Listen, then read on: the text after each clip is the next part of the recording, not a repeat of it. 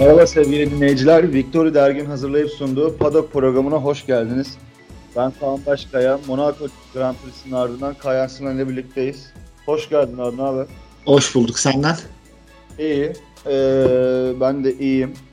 Ee, ne zaman hani bu 2-3 sene önce gördüğümüz Ferrari ne zaman patlayacak diyorduk. Bir patladılar, pir patladılar yani. Öyle böyle bir patlamak değil. Geleceğiz ona da zaten. Ee, sen ne düşünüyorsun şeyle ilgili? Ferrari ile yarışla ilgili? Abi genel yani daha detaylı konuşuruz tabii e, yarışın içine girdiğimizde de. Yani aslında sene başında şaşırttılar bizi. Bu olan Ferrari'ye geri döndük. Ee, ama bu denli de bir şey beklemiyordum. Yani çok büyük bir fiyasko oldu bu. Gerçi benzer şeyler aslında geçmişte de oldu. Özellikle Vettel'li dönemde 2017-2018 Ferrari nispeten şampiyonluğa oynar gibi olduğu iki yılda benzer şeyler aslında oldu.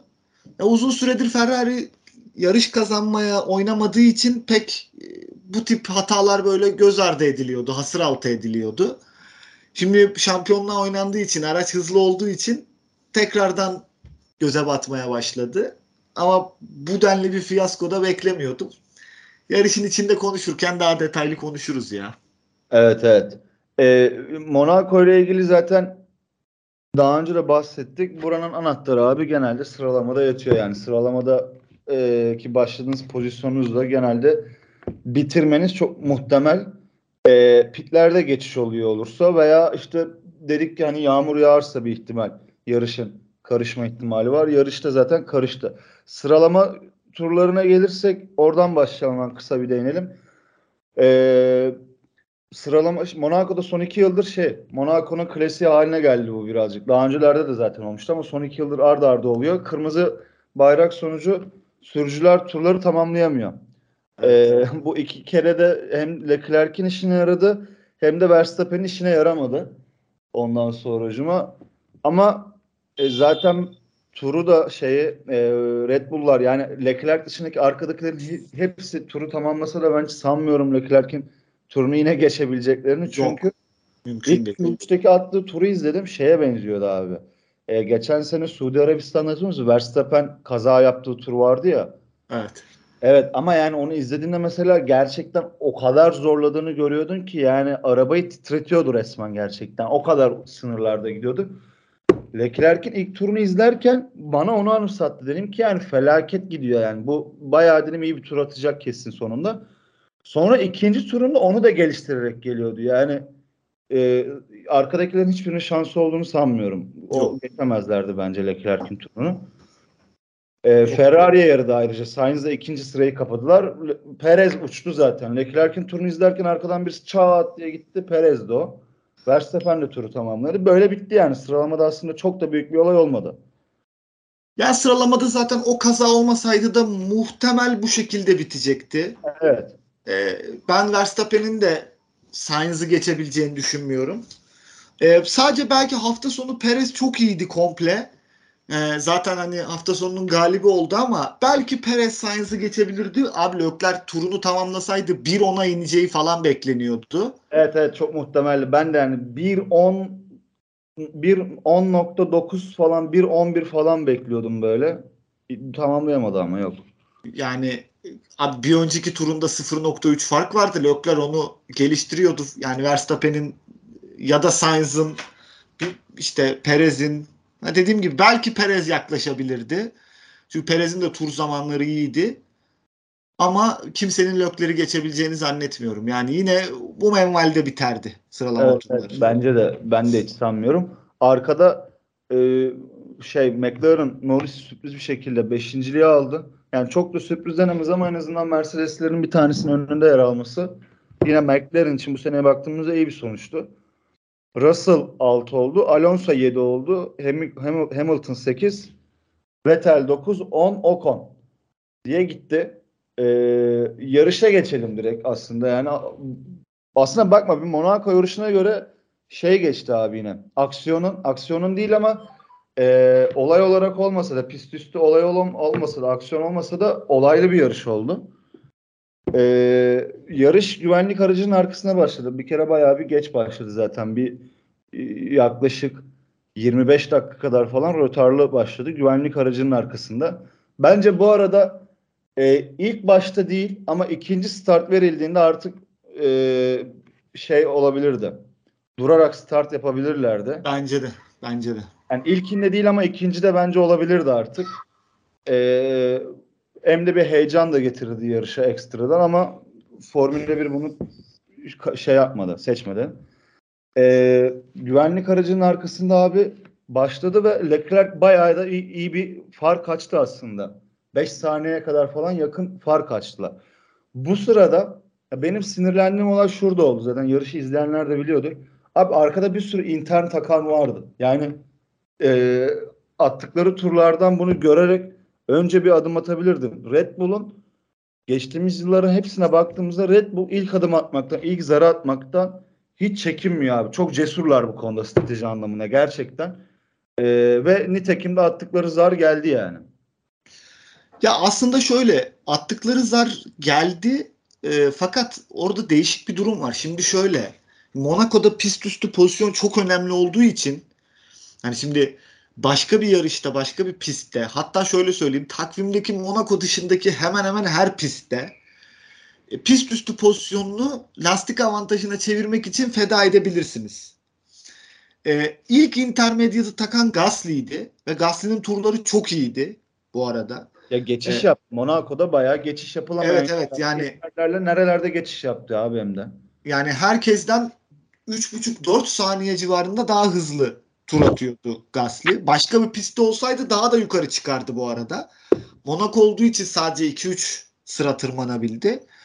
Ee, Ferrari'nin ilk başta zar atmamasını anlıyorum. Bak o konuda şey yapmıyorum. Çünkü Red Bull da o dönemde şey o turlarda daha pist pite girmemişti. Ferrari pist üstü pozisyonunu koruyalım. Burada geçiş yapmak zaten imkansıza yakın pist üstünde.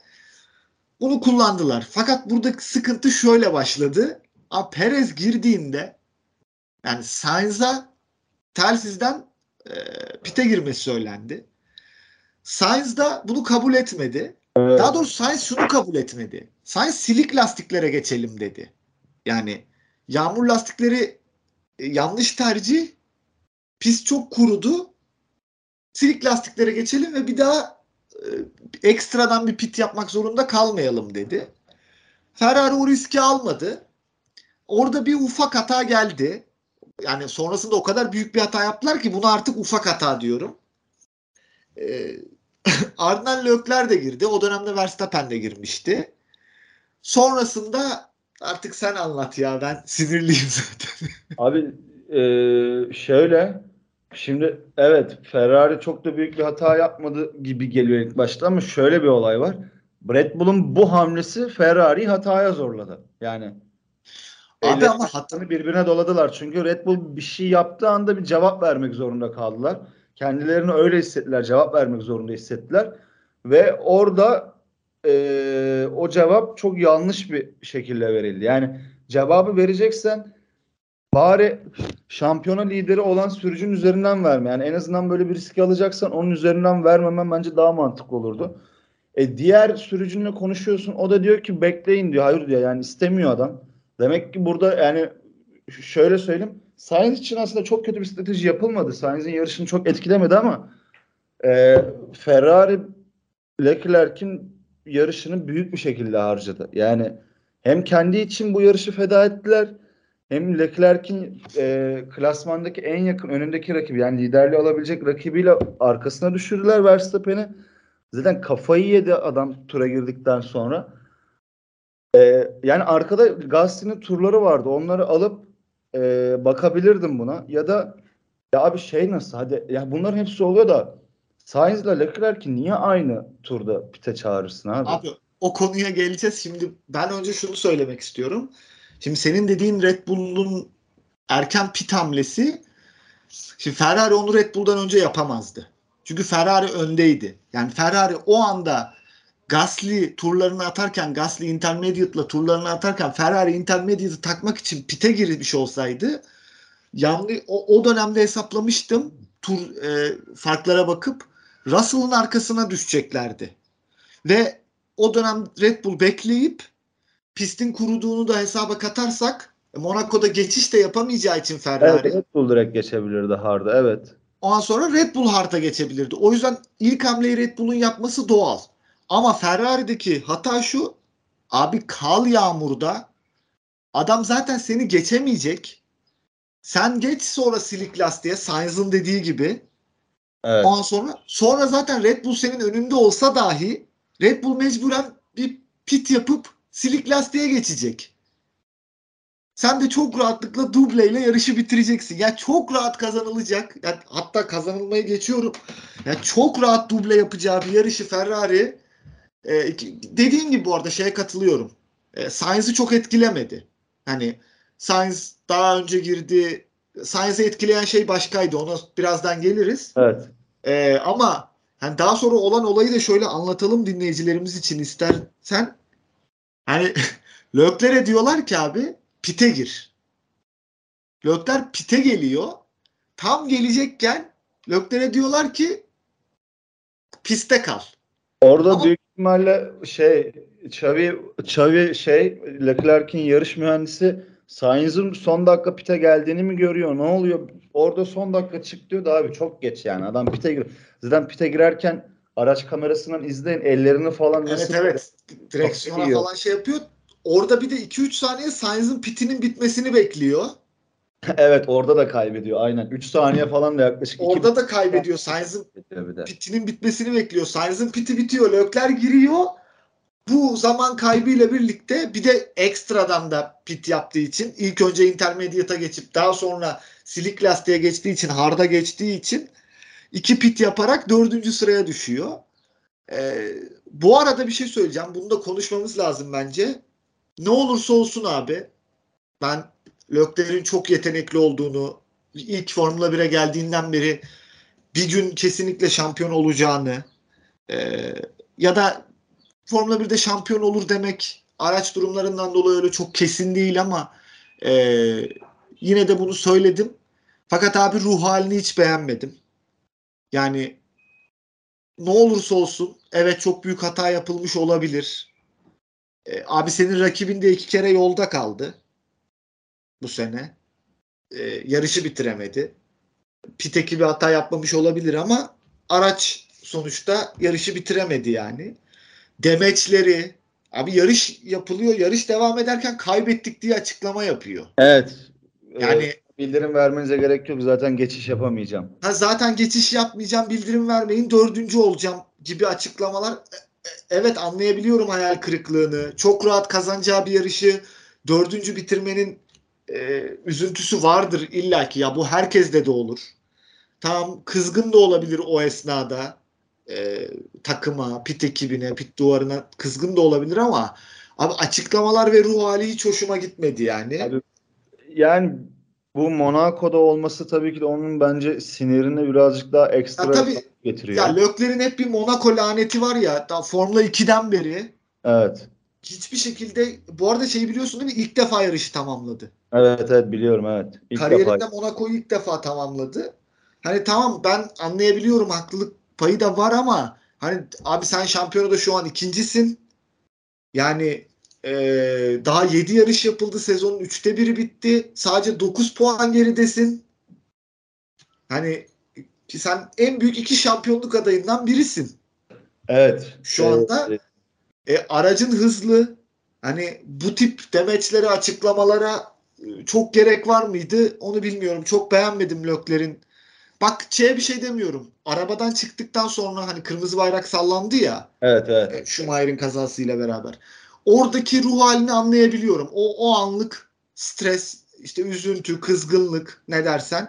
Oradaki ruh halini anlayabiliyorum ama yarış başladıktan sonraki demeçler, yarıştan sonraki demeçler falan çok hoşuma gitmedi yani. Yarıştan sonra da e, hayal kırıklığıyla eve dönüyorum ama buna alıştığım gibi bir demeç var. Biraz Ah evet evet. sert. Evet Biraz o çok sert kötü. ama bence e, yani sert kesinlikle kabul ediyorum ama birazcık da hani takıma bu tarz hatalar yapma lüksümüz yok gibi bir mesajı vermek için de e, belki de böyle bir yol izledi. Böyle bir yol izlemek faydalı olacak mı göreceğiz ama e, benim için olmayacak bir şey değil. Yani zaman zaman böyle tepkiler vermekle takımı birazcık silkelemek, e, birazcık sert bir şekilde belki de birazcık bunu yapıyor ama e, olabilecek bir şey. Ben Monaco'da olmasının da tabii yarışın birazcık ekstra hayal kırıklığı yarattığını düşünüyorum. O yüzden bu kadar açıklamalar sert bence ama e, umarım yaptığı açıklamalar Ferrari'yi birazcık e, silkeler pit ekibini. Çünkü yani Ferrari abi şöyle Ferrari'nin 2017-2016 yani bu hep vardı zaten bu pit ekibiyle ilgili. Ama bu 2017-2018 özür dilerim 2016'dan beri. Yani bu Vettel'in iddialı olduğu e, dönemden beri Ferrari'nin pit ekibi e, rakiplerine göre rakiplerine göre şampiyonluk mücadelesi verdi rakiplerine göre o kadar büyük hatalar yaptılar ki evet. yani o kadar büyük hatalar yaptılar ki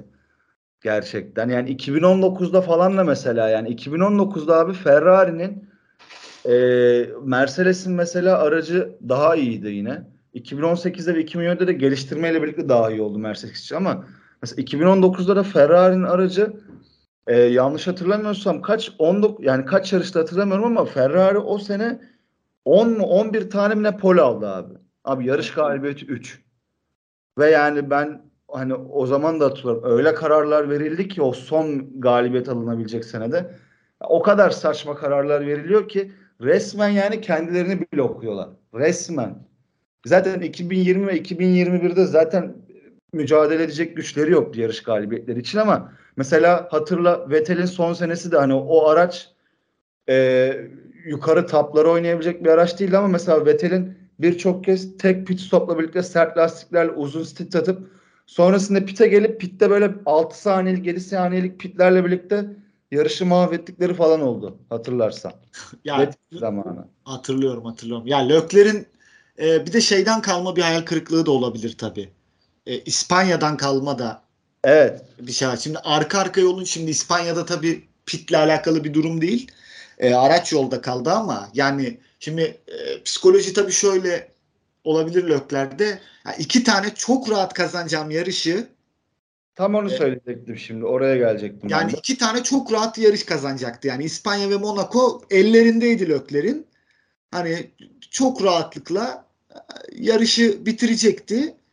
Ama bu yarışların birinden 0 puan, birinde de dördüncü olup yani 12 puanla tamamladı. Yani 50 puanın 12'sini alabildi. Tam, tam oraya gelecektim yani. Ferrari geçen seneden beri pite gibi bu arada geçen sene toparladılar. Bu sene de iyiydiler bence ama şu an hani burada mesela bir hata yaptılar ama çok büyük bir hataydı bu. Yani bu kabul edilemeyecek tarzda bir hataydı. Evet. Ee, Verstappen iki kere yarış dışı kaldı abi ve e, son iki yarışta birlikte Ferrari bunu tamamen nötrledi. Hatta puana vurduğun zaman Verstappen iki kere ikinci olacakken yarış dışı kaldı abi. Yani Verstappen 36 puan çöpe attı. E, Leclerc geçen hafta 25, bu hafta da dördüncü oldu 12. Yani Leclerc de 37 puan çöpe attı. Öyle söyleyelim. Birbirlerini tamamen e, 38 puan özür dilerim tamamen nötrlediler şu an. E, ve şu an klasmanlarda da zaten Perez'in de galibiyetiyle ciddi bir hale geldi. Ona da sonunda değiniriz. Red Bull'a gelirsek e, Red Bull abi bütün hafta sonu Perez Verstappen'e göre daha istikrarlı ve daha iyi bir performans verdi genel olarak. Yani şöyle söyleyeyim bu konuyu bir yarış galibiyetiyle bağlayıp kapatabiliriz. Ee, Perez bütün hafta sonu Verstappen'den iyiydi. İspanya'dan kalma bir hırs var kesin. Ee, oradaki takım emri e, yol vermesini söylemeleri Perez'i hırslandırmış biraz belli.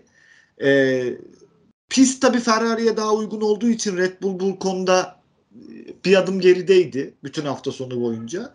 Yarışı Ferrari pit ekibi sayesinde kazandılar ama yani birisi kazanacaksa da bu Perez'in hakkıydı çok net. Evet evet kesinlikle. Ee, yani Ha, Verstappen hatta şöyle Verstappen'in bir açıklamasını okudum. Yani üçüncü olmaktan çok mutluyum gibi falan gibi bir şey söylemiş.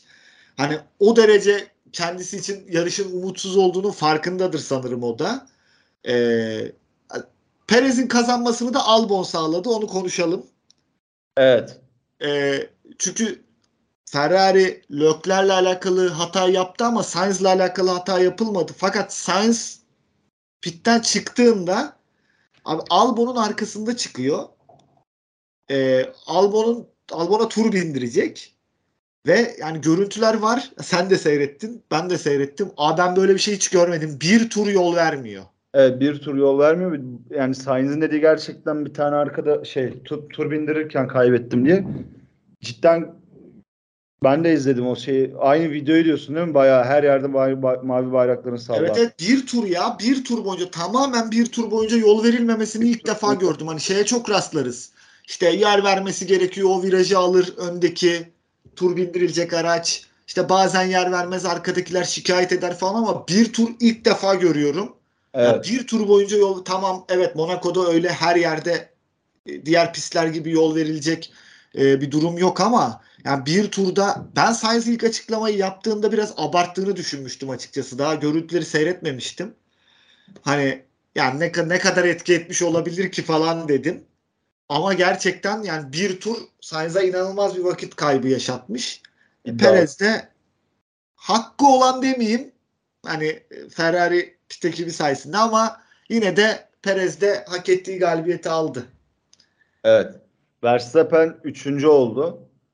Ee, Verstappen için de yani yine bence kazançlı bir hafta sonuydu kesinlikle. Leclerc'in önünde bitirmesi. Tabii ee, canım.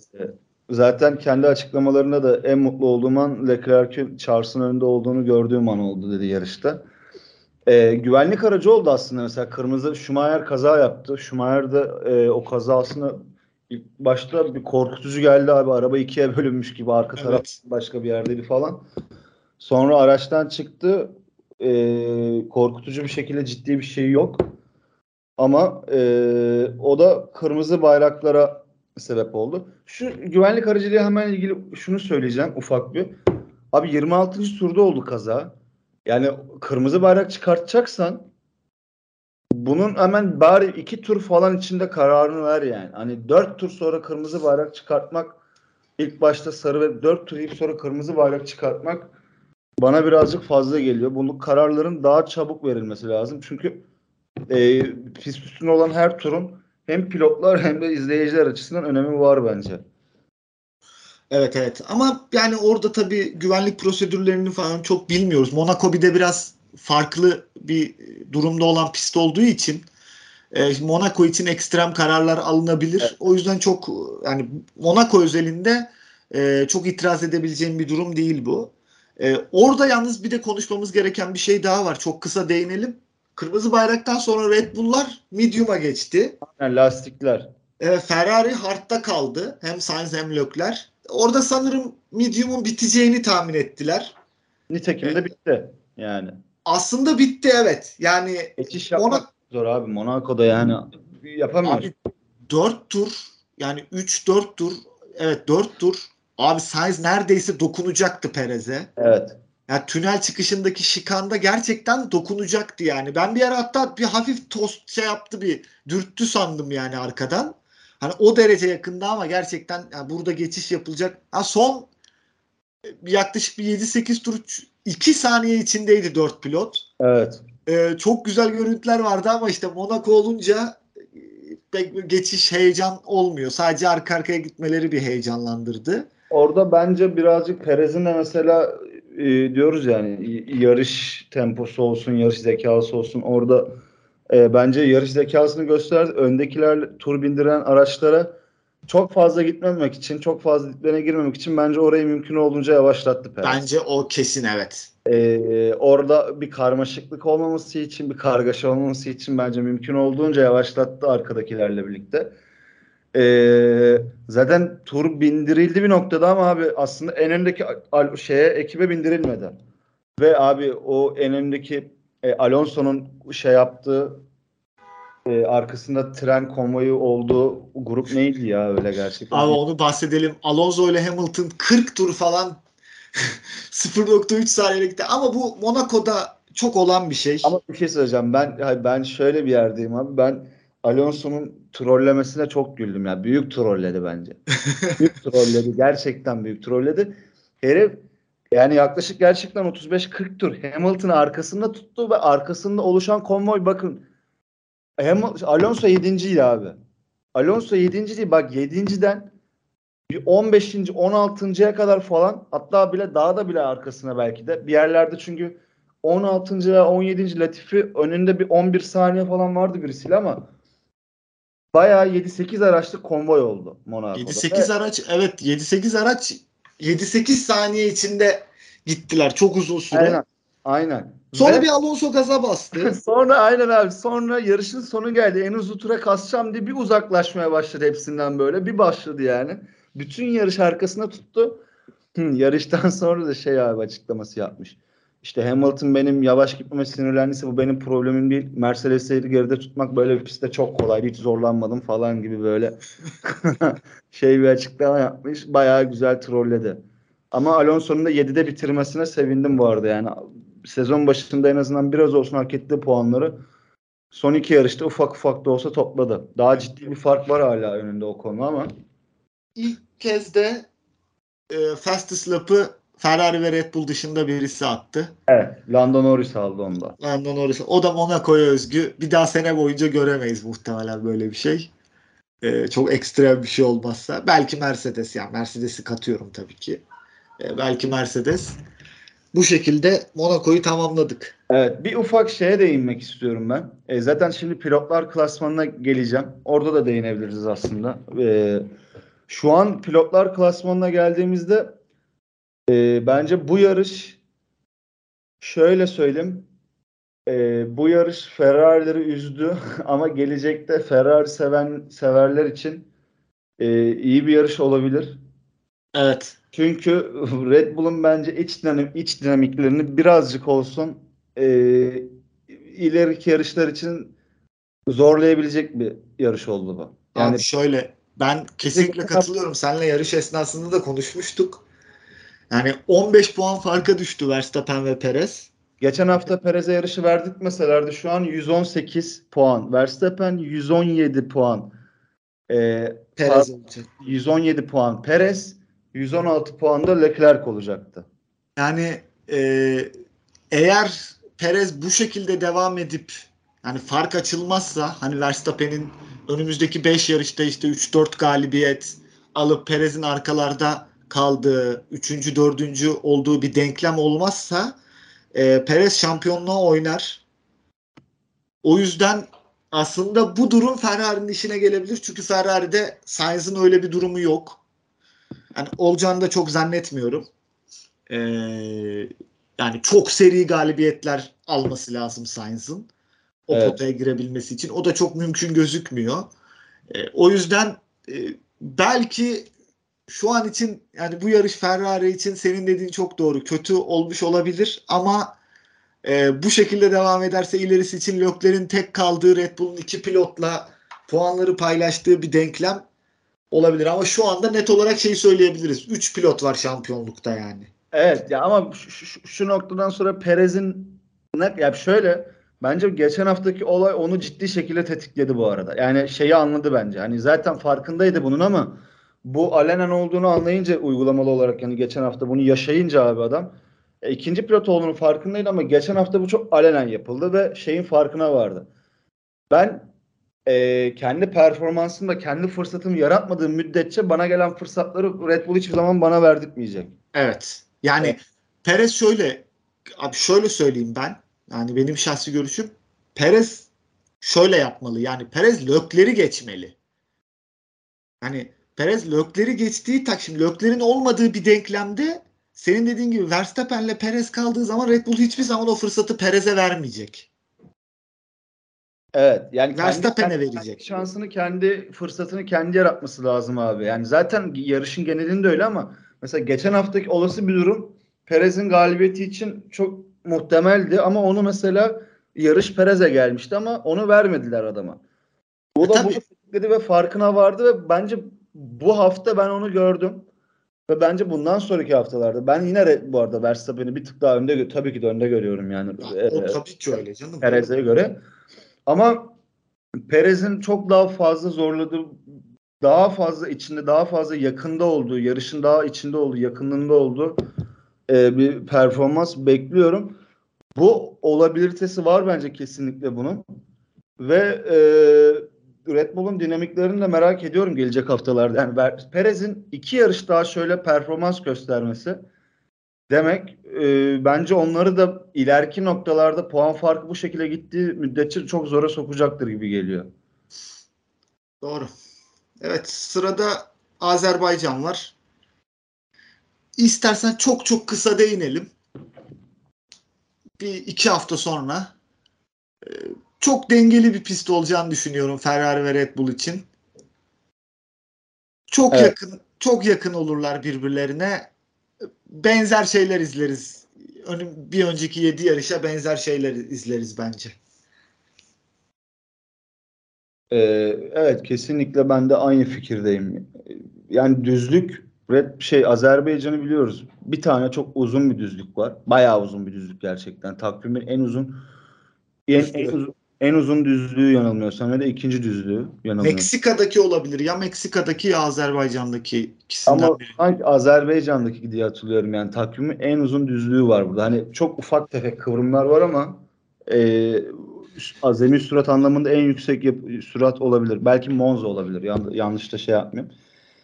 E, ama aslında cadde pisti olduğu için de bir bakıma e, ikinci ve üçüncü sektörlerde Ferrari'nin bayağı üstün olması beklenebilir yani. E, zaten geçen senelerde geçen senelerde e, Leclerc'in ardı ardı Monaco ve Azerbaycanlarda polo aldığını biliyoruz. E, evet bu bence bana da çok ortada bir yarış gibi olacak gibi geliyor. Takımların performansı e, belirleyici olacak birazcık hafta sonu ayarları falan. E, Ferrari'nin artık ama Sainz'in de performansına ihtiyacı olduğunu net olarak söyleyebiliriz. Çünkü bu yarışla birlikte hani çok büyük bir fark olmasa da e, Red Bull'un 36 puan üstünlüğü var. Evet. E, Mercedes yine arkalarda takip ediyor. McLaren bu hafta Lando Norris Bottas bu hafta hiç gözükmedi bu arada. E, aslında arkadakilere bir ufak hemen şey yapabiliriz. McLaren bu hafta Norris önemli puanlar aldı takımlar için. Hem de kendisi için Bottas'a karşı aslında. Çünkü Bottas sessiz sedasız geliyordu ki ta ki bu Monaco'ya kadar. Monaco'da sıralamalarda 12. oldu ve yarışta da aslında 9. oldu. Kötü bir puan elde etmedi ama e, kendi adına önemli puanlar elde etti Norris. Russell'a yine değinmiyorum. Russell yine Onu artık konuşmayalım oldu. abi. İstikrar ya. Evet. Çocuk 4-5 4-5 4-5 gidiyor. Vettel puan aldı. Evet. 10. oldu. O da sevindirici. Evet o zaman bu yarışta abi e, bu arada yarış genel olarak da bana hiç keyif vermedi abi. Ha, Monaco normal. Yani, yani yarış bana genel olarak hiç keyif vermedi onu söyleyebilirim. Monaco'nun keyif verdiği bir yarışı ben pek hatırlamıyorum yani şey, ya. Bari hava güneşli falan olsaydı da yatları katları falan izleseydik. Öyle, öyle bir şey düşündüm ama hava da hiç keyif vermedi. Oldu o zaman abi. Kapatıyorum. Bu programda zaten Monaco'yu, Ferrari dramasını ve Red Bull'un da birazcık iç dinamiklerini konuşmuş olduk. Ee, önümüzdeki iki hafta sonra Azerbaycan'dan sonra görüşmek dileğiyle. Hoşçakalın. Hoşçakalın.